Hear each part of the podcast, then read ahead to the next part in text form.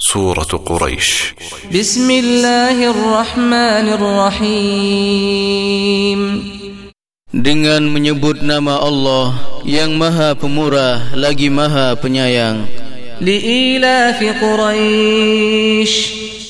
Karena kebiasaan orang-orang Quraisy إيلافهم رحلة الشتاء والصيف Yaitu kebiasaan mereka bepergian pada musim dingin dan musim panas فليعبدوا رب هذا البيت Maka hendaklah mereka menyembah Tuhan pemilik rumah ini yaitu Ka'bah الذي أطعمهم من جوع وآمنهم من خوف